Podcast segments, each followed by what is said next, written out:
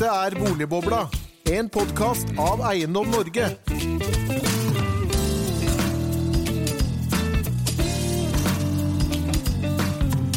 Hjertelig velkommen til en ny episode av eh, Boligbobla, denne gang om eh, heldigitalt eiendomsmarked neste. Eh, regjeringen kommer snart med en stortingsmelding om datadrevet økonomi og innovasjon. Problemstillingen for meldingen er hva staten kan gjøre for å tilrettelegge for digitalisering av offentlige tjenester og offentlige data. Vi spør hva skal være offentlige og private aktørers rolle i digitalisering av offentlige tjenester, og hva betyr dette for utviklingen av et heldigitalt eh, eiendomsmarked. For det har vi fått med oss eh, noen utmerkede gjester. Vi har fått med oss produktutviklingsdirektør i Ambita, Hege Moe Tveit. Velkommen til deg. Tusen takk. Og så har vi fått teknologi- og bærekraftsdirektør i IKT Norge, Mali Holeskogen. Velkommen til deg. Tusen takk. Og som alltid så har vi selvfølgelig administrerende direktør i Eiendom Norge. Velkommen til deg, Henning. Takk, takk. Du holder ut i koronatiden? Jeg holder fortsatt ut i koronatiden. Begynner å bli litt glad i den også. Vi i eiendomsbransjen vi har jo holdt på med, med data i en eh, hva skal jeg si, årrekke, så det er ikke noe nytt for oss. Eh, hvordan har data hva data og datadrevne tjeneste betydde for boligmarkedet og eiendomsmarkedet? En av de tingene som, som, passer veldig bra å si nå, er jo at det har betydd veldig mye i den situasjonen vi er i nå, hvor det kommer en krise.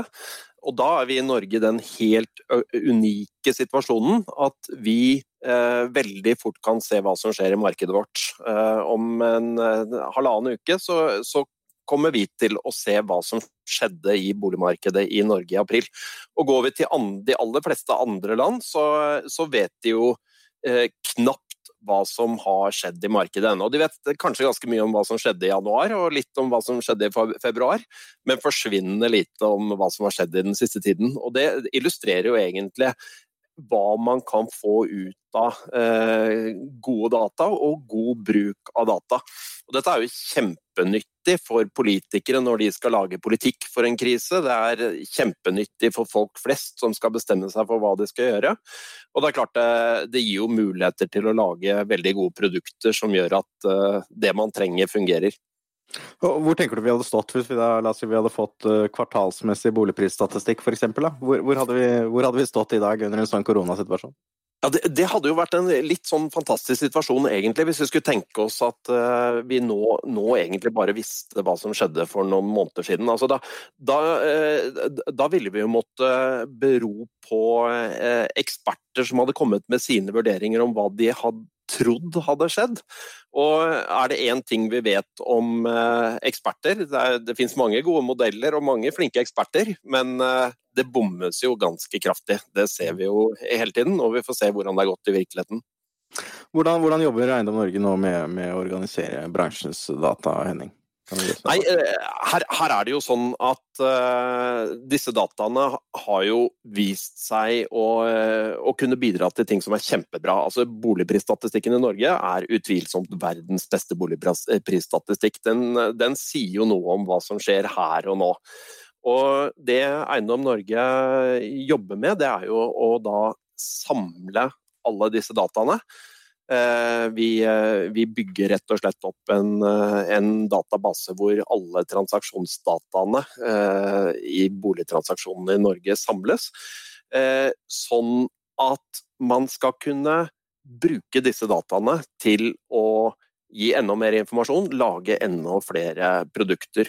Og, og, det vil jo kunne bidra til at man eh, i enda større grad får, eh, får en, en, bransje som, som, blir moderne og velfungerende, og hvor det finnes gode produkter. Så det er et sånn kjempespennende løp i tiden fremover. Mali, denne uken så fasiliterte dere et innspillsmøte da, til denne stortingsmeldingen om, om datadrevet eh, økonomi og innovasjon. Hva, hva var hovedbudskapet til, til digitaliseringsministeren fra, fra deres side? Ehm, for det første så er vi jo kjempeglad for at eh, digitaliseringsministeren tar dette initiativet. Og det kommer i en tid hvor det skjer eh, veldig mye spennende både i Europa og ellers i Norge. EU-kommisjonen la fram sin strategi for data 19.2 i år, og vi fikk en KI-strategi her i Norge eh, i midten av januar. Og så kom til og med dette Beck-Gjørv-utvalget med sin ekspertvurdering, eh, som også er et innspill til denne, data, nei, denne stortingsmeldingen om datadreven økonomi, i begynnelsen av april. Og nå har vi muligheten til å gi innspill til denne stortingsmeldingen, som blir en kjempeviktig melding, og som har høye forventninger til, eh, hvor fristen er 30. april. Da. Så for oss så eh, ser vi på denne situasjonen som at det rører seg forferdelig mye når det gjelder innsamling og bruken av data her i Norge. Og for oss så handler jo det om at de aktørene som kanskje best evner å utnytte data til å levere verdiøkende produkter og tjenester til lavest mulig kostnad, kanskje vil vinne i konkurransen eh, på bekostning av eh, etablerte aktører. Da. Så det norske næringslivet vi vil få konkurranse, eh, internasjonal konkurranse i tida framover. Og da er det fra bl.a. store teknologiselskaper som har enorme datamengder, og som har enorme finansielle muskler. Så da må vi rigge oss i Norge for, for den konkurransen og, og, bygge vår politikk, vår datapolitikk på en sånn måte at det styrker konkurranseevnen i, eh, i, eh, eh, i, landet vårt. Da.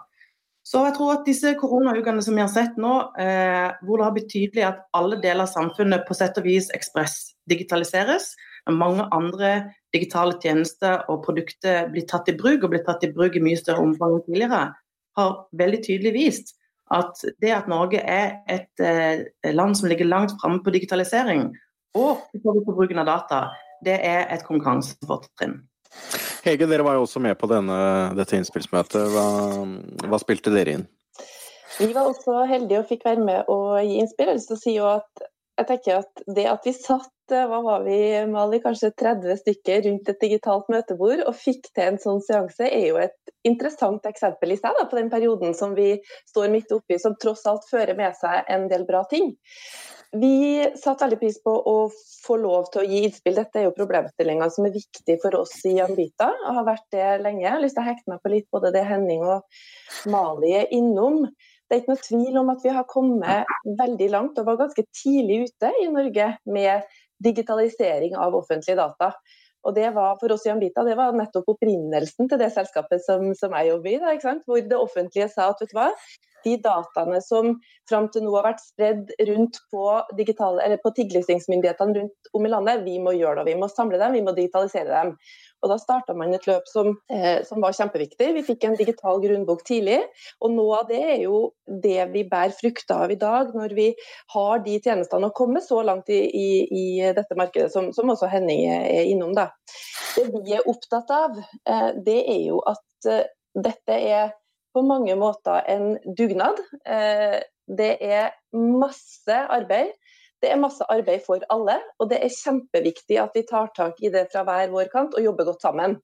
Så Vi i Ambita vi var opptatt av i innspillsmøtet å si fra om at la oss fortsette å samarbeide godt, og la oss jobbe med å bli tydelig på ansvarsdeling mellom aktørene, sånn at vi utnytter ressursene godt og får til størst mulig verdiskapning. For det er det det handler om. ikke sant? Dataene de kan jo gjerne ligge der, men de har ingen verdi før de brukes. Og for å få brukt dem godt, så er vi avhengig av at det offentlige jobber godt, legger til rette, kvalitetssikre kvalitetssikrer dataene og tilgjengeliggjøre dem.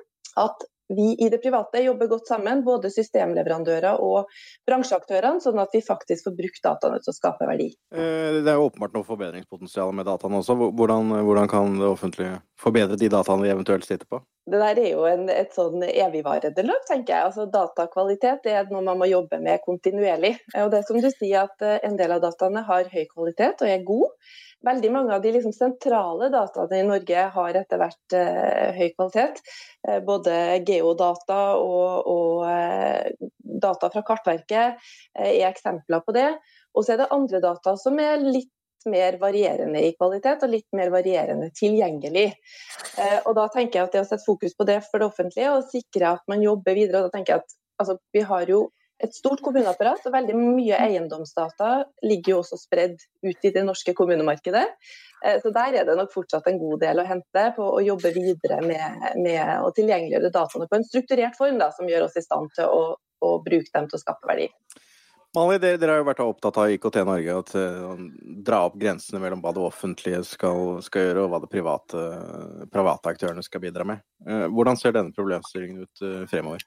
Jeg tror at eh, det må være viktig at um, i det videre arbeidet at det er et slags um, grunnprinsipp at gevinstene fra økt deling av data må både komme befolkningen til gode, offentlig sektor til gode og privat sektor i Norge til gode. vi har det som mål, så handler det jo om å finne den strukturen å dele data på som gjør at vi både får en vekst i offentlig sektor, men at offentlig sektor gjør sine data tilgjengelig på en måte som gjør at de kan opp, på en optimal måte brukes av, eh, av, næringslivet.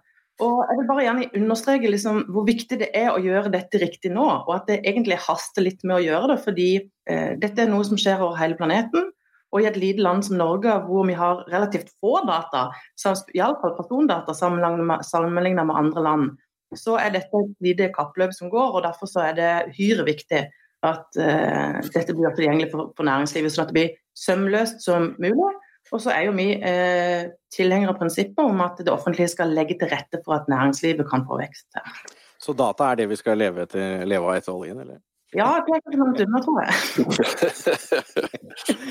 Det er i hvert fall en viktig grunnmur som må ligge der, og som ligger til grunn for både som Henning sier, innsikt og beslutninger, eh, og som vi er innom både Mali og jeg, da, verdiskapning både da for forbrukere og det offentlige og det private. Det er kjempeviktig. Men, men, her er det jo også sånn at uh, som, som, dere påpeker, så må jo ting skje i et samspill mellom det private og det offentlige. Og en, en ting som jeg tror er kjempeviktig, og som, som vi har, uh, har vært opptatt av, det er jo kommunale eiendomsdata. Og som du sier, Hegge, det finnes det veldig mye av.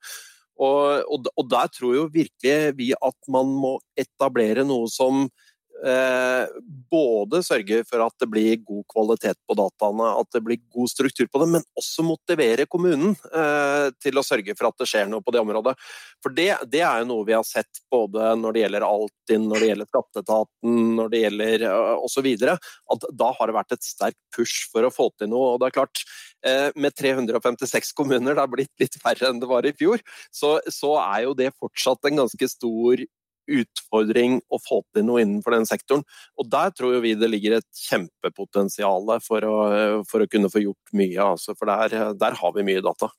Hege, dere lagde, lagde en undersøkelse her i fjor. Eh, undersøkte digitaliseringsgraden hos kommunene. Hva var funnene? Det er helt riktig. Jeg var jo innom det i stad at uh, veldig mye eiendomsdata ligger sentralt, men det er også mye som ligger distribuert ute i kommunene rundt om i det ganske land. Og Vi var litt nysgjerrig som du sier, Erik, i fjor sommer på hvordan var egentlig status. Vi, vi, vet jo en del om det, for vi bruker det i det daglige i løsningene våre. Men vi samarbeida med Samfunnsøkonomisk analyse og gjennomførte en undersøkelse. Og Det som vi fant, da, det var jo at for det første at, at det er stor variasjon. det må jeg jo si. Det er ikke så vanskelig å tenke seg det, eller det er stor forskjell på de største og de minste kommunene i Norge. og Det påvirker jo også både evne og, og mulighet til å, å, ta tak i det her Trekk fram noen få ting. Jeg tenker at eh, for, I Kommune-Norge så er det fortsatt sånn at digitalisering for veldig mange betyr det å ha skanna og ha informasjon tilgjengelig på PDF-format. ikke sant? Skanning ja, digitalisering. Skanning er digitalisering. To tredjedeler av norske kommuner svarte faktisk det, at, at, det var det nivået de lå på. Eh, og Det er et eh, første steg, men det er selvfølgelig langt fra nok. Altså Skal vi kunne innovere og bruke disse dataene til både innsikt og, og strukturert eh, prosessering videre og skape verdi, så, så må vi ha det på, på et annet format. Så jeg tenker at Det er viktig å, å ta med seg at her har vi, har vi et stykke eh, å gå. Og så ser vi selvfølgelig størrelse er viktig, men også aktivitet i kommunen. Så, så aktivitet pusher jo digitalisering. Det, altså, skal du gjøre noen ting og, og skjønne sjøl at dataene er vanskelig tilgjengelig, så gir det et ekstra push. da. Det, staten er jo en lett aktør å ha med å gjøre, og de store aktørene her har jo fått et push, som Henning sa. Hvordan skal kommunene, eh, som ikke alltid kanskje har insentiver til å, til å drive med digitalisering, få, få til dette? Eh, du påpeker noe som er utrolig viktig her. Og eh, Vi har ofte sett at politikere kanskje har veldig høye ambisjoner om å digitalisere sin kommune eller levere digitale tjenester til sin befolkning. Og så er det ikke alltid samsvar mellom eh, den politikken som kommunen fører utad, og det samarbeidet de har med næringslivet eller innkjøpsavdelingen i utviklingen av de tjenestene som de gjør. Så Det er en problemstilling som vi jobber ganske mye når det gjelder anskaffelser eh, eh i IKT Norge. Det er å vise fram hva som er mulig å få til. Vi gir ut en undersøkelse hver eneste år sammen med Rambøll og Visma som heter IT i praksis, som viser digitaliseringsgraden av norske kommuner. Og i den tiden som vi står oppi nå, hvor hvis vi ikke hadde vært eh, online, eller hvis vi ikke hadde hatt tilgang på internett, så hadde vi fått eh, et helt annet samfunn etter korona enn det eh, vi hadde hatt. Eh, jeg vet, vet jeg merka at uh, italienerne de fikk lov til å gå ut når de skulle på apoteket, i butikken eller i banken. Ja. Det kan vi løse, løse på helt andre måter her i Norge. Så der, der er vi gode. Så jeg tror at denne krisen som vi står oppi nå, den eh, drar oss Både små og store kommuner ser behovet for at vi har et robust nett, at vi har et, eh, eh, en god digital infrastruktur, at vi er flinke på å lagre våre egne data, samle inn data fra dette. Så er det jo ikke tvil om at befolkningen ellers, enten det er videokonferanser eller innspilling av podkast, eller skoler og edtech-løsninger, eller bank eller fastlege, eller alt det vi har vært gjennom nå, har dratt Norge eh, eh, i en kanskje riktig retning, da. Eller en spennende retning på hva som gjelder. Så de undersøkelsene som gjøres på digitalisering av offentlig sektor og bruken av offentlige, digitale offentlige tjenester, de undersøkelsene som gjøres i 2020, vil få noen veldig interessante resultater som vi kan lære mye av. Henning, vi, vi var jo var med på lanseringen eh, i fjor, eh, før du begynte som direktør, da, men eh, da, da regjeringen åpnet opp Altinn som kommunikasjonsplattform i den elektroniske tingløsningen. Hva, hva, betyr det for Det høres banalt ut, men hva betyr det for, for eiendomshandel og digitalt? Det er jo et sånn eksempel på noe som er utrolig morsomt når det gjelder mulighetene. Fordi hvis man, på en måte går tilbake i tid, så skjedde jo alt i eiendomshandelen på papir, eh, med fysiske underskrifter på papirene. Og veldig mange konvolutter og brev som gikk mellom privatpersoner og banker og eiendomsmeglere og tinglysningsmyndigheten hos Kartverket. Og, og, det systemet som da kom på plass, det, det muliggjorde rett og slett at man gjorde disse tingene elektronisk. Og, og, og, det betyr både enorme besparelser rent økonomisk hvis man utnytter potensialet fullt ut. Og så betyr det jo en annen ting som faktisk er ganske viktig også, at uh, tusenvis av uh, brev uh, de slipper man å sende og transportere. Det er også en, en miljøbetydning oppi det hele. Og det, det, er jo sånne fine sider man ser her. Og Det er jo den typen ting vi veldig gjerne kunne tenke oss at man klarer å utvikle videre i forhold til kommunal informasjon osv. Så sånn at man, man, til slutt kan ende opp med at eh, informasjon og eh, prosesser de kan man gjennomføre heldigitalt fullt ut, egentlig. Hege, hvordan har dere sett at koronautbruddet korona har endret eh, etterspørselen etter deres tjenester? Nei, Det er jo eh, veldig spennende å følge med på effekten av det. Eh, tenker, det vi ser er et, et, økt aktivitetsnivå. Og Det ser vi jo på alle, i alle områdene i samfunnet. Alt fra overleger som tar i bruk digitale løsninger, til lærere som må kaste seg uti det. Så også i eiendomsbransjen. Eh, Henning er innom et kjempeviktig område. Og Digitalisering det handler om data og det handler om systemer og løsninger, men det handler også om prosesser og mennesker. Og det å tørre å endre og kanskje få det ekstra lille dyttet til å gjøre, tenke litt annerledes og gjøre ting annerledes. Og det har vi faktisk fått med den perioden vi står oppe i nå. Um, muligheten til å gjennomføre bolighandel digitalt har jo vært, det har vært, det har vært tilgjengelig en stund, men, men, systemene er som sagt ikke nok. Så nå opplever vi et økt påtrykk av kunder som er gira på å ta i bruk. Og vi hadde vel all time high på webinar hos oss når vi skulle, skulle, fortelle om akkurat disse tingene til eiendomsbransjen. Mulighetene som ligger i digitale løsninger. Ja, 400 stykker eller noe sånt, var det ikke det på webinar? Vet du hva, vi kjørte to, og til sammen 800 stykk som var innom og hørte på dette temaet. Det er kjempeartig. Det, det må jo være altså 20 av de ansatte i eiendomsmeglerbransjen omtrent. Ja, men det er jo så bra. Altså, jeg tenker at eh, Det er jo akkurat dette vi trenger. Så oppi alt det tragiske og vanskelige, så ser vi sånne fine effekter. Så det er vi veldig glad for. Dere i IKT Norge, hvordan har dere merket eh, atferdsendringer som følge av koronautbruddet? Ja, det, det, er på alle fronter, det må jeg si. Vi står jo oppe i en bransje som eh, leverer veldig mange av de tjenestene og produktene som nå eh, har eh, en enorm etterspørsel. Og eh, de, de, strekker seg for alle delene av samfunnet. Eh, ja, som jeg nevnte tidligere, Det gjelder både edtech-løsninger og, eh, og, medisinske løsninger og sikkerhetsløsninger, ikke minst. Fordi veldig mange flere sitter på hjemmenett og deltar i jobblivet, som ikke alltid er like sikre nett. Så det er mange, mange eh, problemstillinger på, som gjelder digitaliseringen av samfunnet, som, eh, som er ve veldig aktuelle akkurat nå. da. Og eh, jeg tenker jo at En av de tingene som jeg er veldig glad for at er kommet fram tross for at det er ganske mørkt der ute, så er det det at eh, mange flere av våre bedrifter som har løsninger som folk ikke har tørt å bruke eller tørt å se på, de har kanskje folk grepet med begge hendene akkurat nå. Og um, Vi ser jo f.eks. at det er et bedrift som Unacast som bruker Telia sine data på bevegelsesmønster på å tracke sporing av, av viruset og hvem som er i kontakt med hverandre, med bruk av big data-analyser. Og det er òg analyser som gjøres i sanntid, sånn at det er krevende, krevende data å bruke. Så jeg har en lite sånn ønske om at en av de lærdommene, en av de inspirasjonene vi kanskje får eh, av det vi står oppe i akkurat nå, som gjelder databruk spesielt, er at eh, vi ser at vi får mye mer presise analyser når vi har gode og mange data. Vi får muligheten til å predikere mulige utfall som vi ikke har kunnet gjort tidligere. Og det er gode kort på hånda, både for politikere som vil bygge smarte byer og samfunn, og eh, styrke demokratiet på den måten og involvere befolkningen på en annen måte.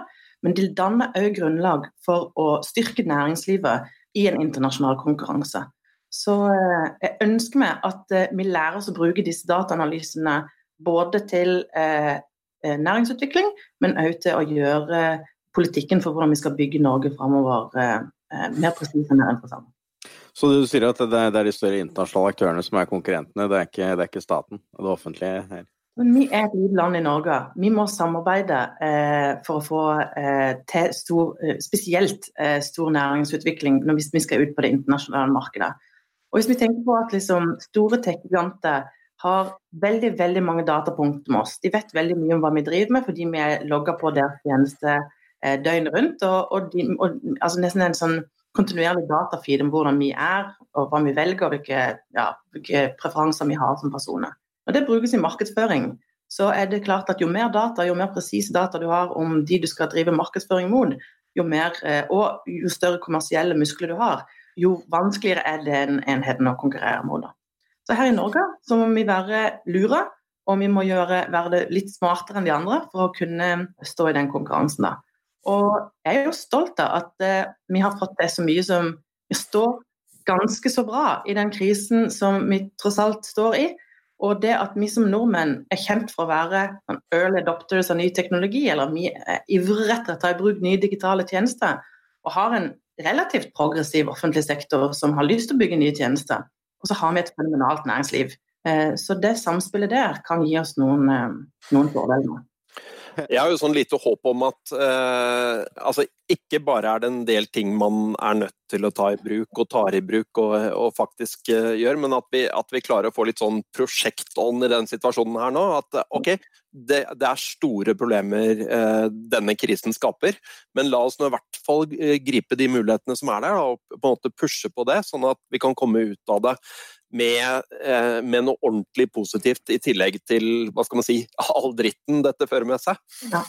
Jeg er helt enig med, med, det, Henning, akkurat det. Og jeg tenker at dette er kanskje ikke tidspunktet for å leide etter der vi er dårlige, men på å kartlegge hvor vi er aller best.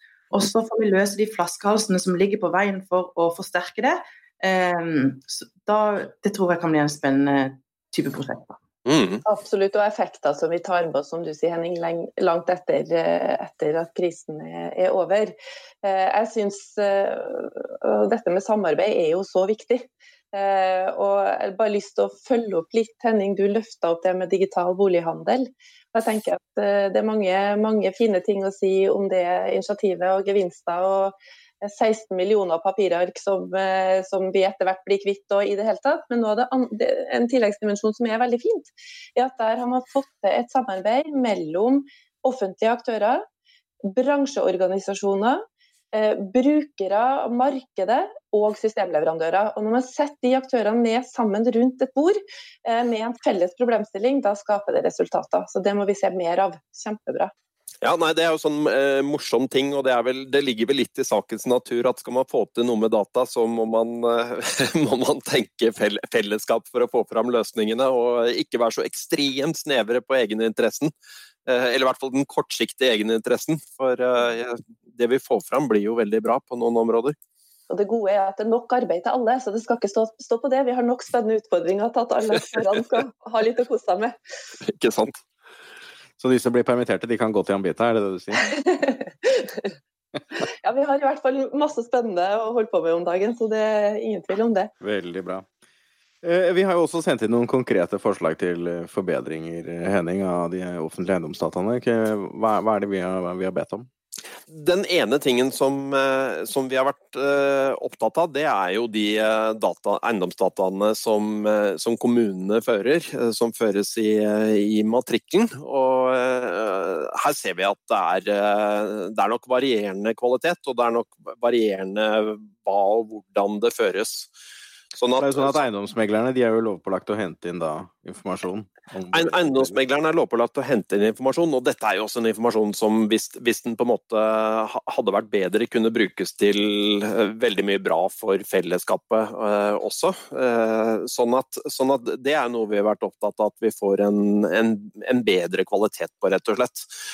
Uh, og så er det jo, altså Generelt så ble det, det ble jo nevnt en sånn type problemstilling her i sted som, som vi også er opptatt av. altså uh, Nå er liksom ikke PDF-ene det vi er ute etter lenger når vi snakker om digitalisering. Nå, nå, nå, ønsker vi å få på plass ting som man kan bruke og utvikle. Uh, nye produkter, nye muligheter. Basert på. Og så, så, er det jo liksom sånn Enkelte steder eh, Vi skal, skal, ikke være for opptatt av det som er dårlig, men, men det er klart det er for dårlig det vi ser noen steder hvor man, hvor man må grave i en skuff i et fysisk arkiv.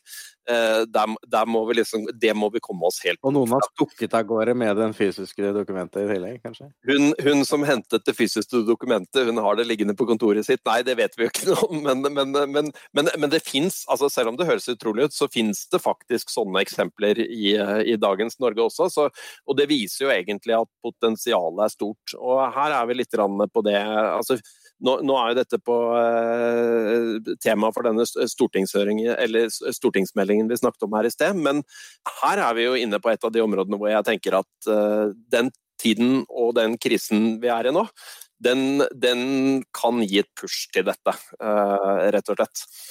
For uh, nå har vi jo sett hva, hva, vi har tjent på å være litt frempå på en del andre områder. Og uh, dette vil jo typisk være et annet område hvor, hvor, vi kan få mye bra ut av det som finnes der, og forenkle mye prosesser uh, ved å få det på plass.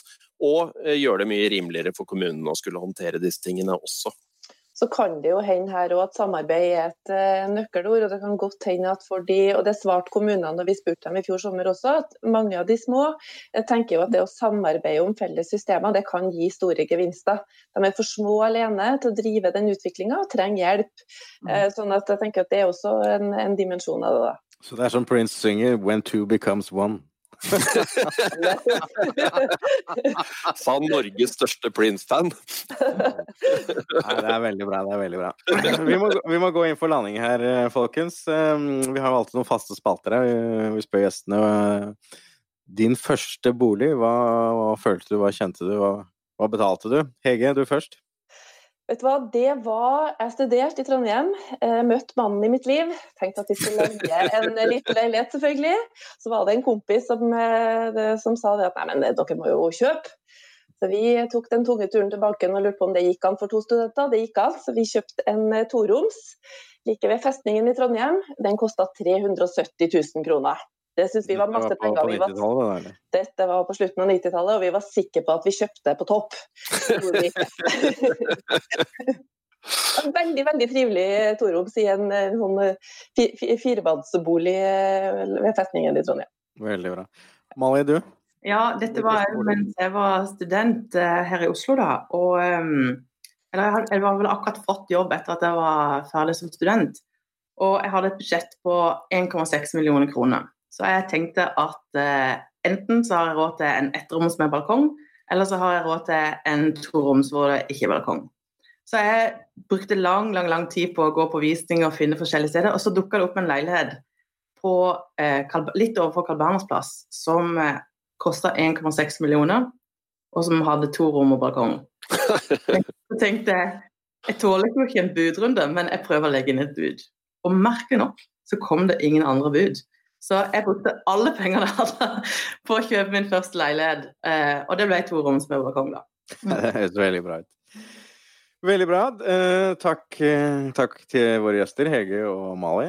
Og takk til Henning. Neste episode kommer om 14 dager. Da skal vi få, få besøk av Housing Lab, som skal ta oss litt gjennom boligmarkedet og koronautbruddet. Hva, hva vi kan forvente oss. Så takk for denne gang. Takk. Vi høres snart igjen.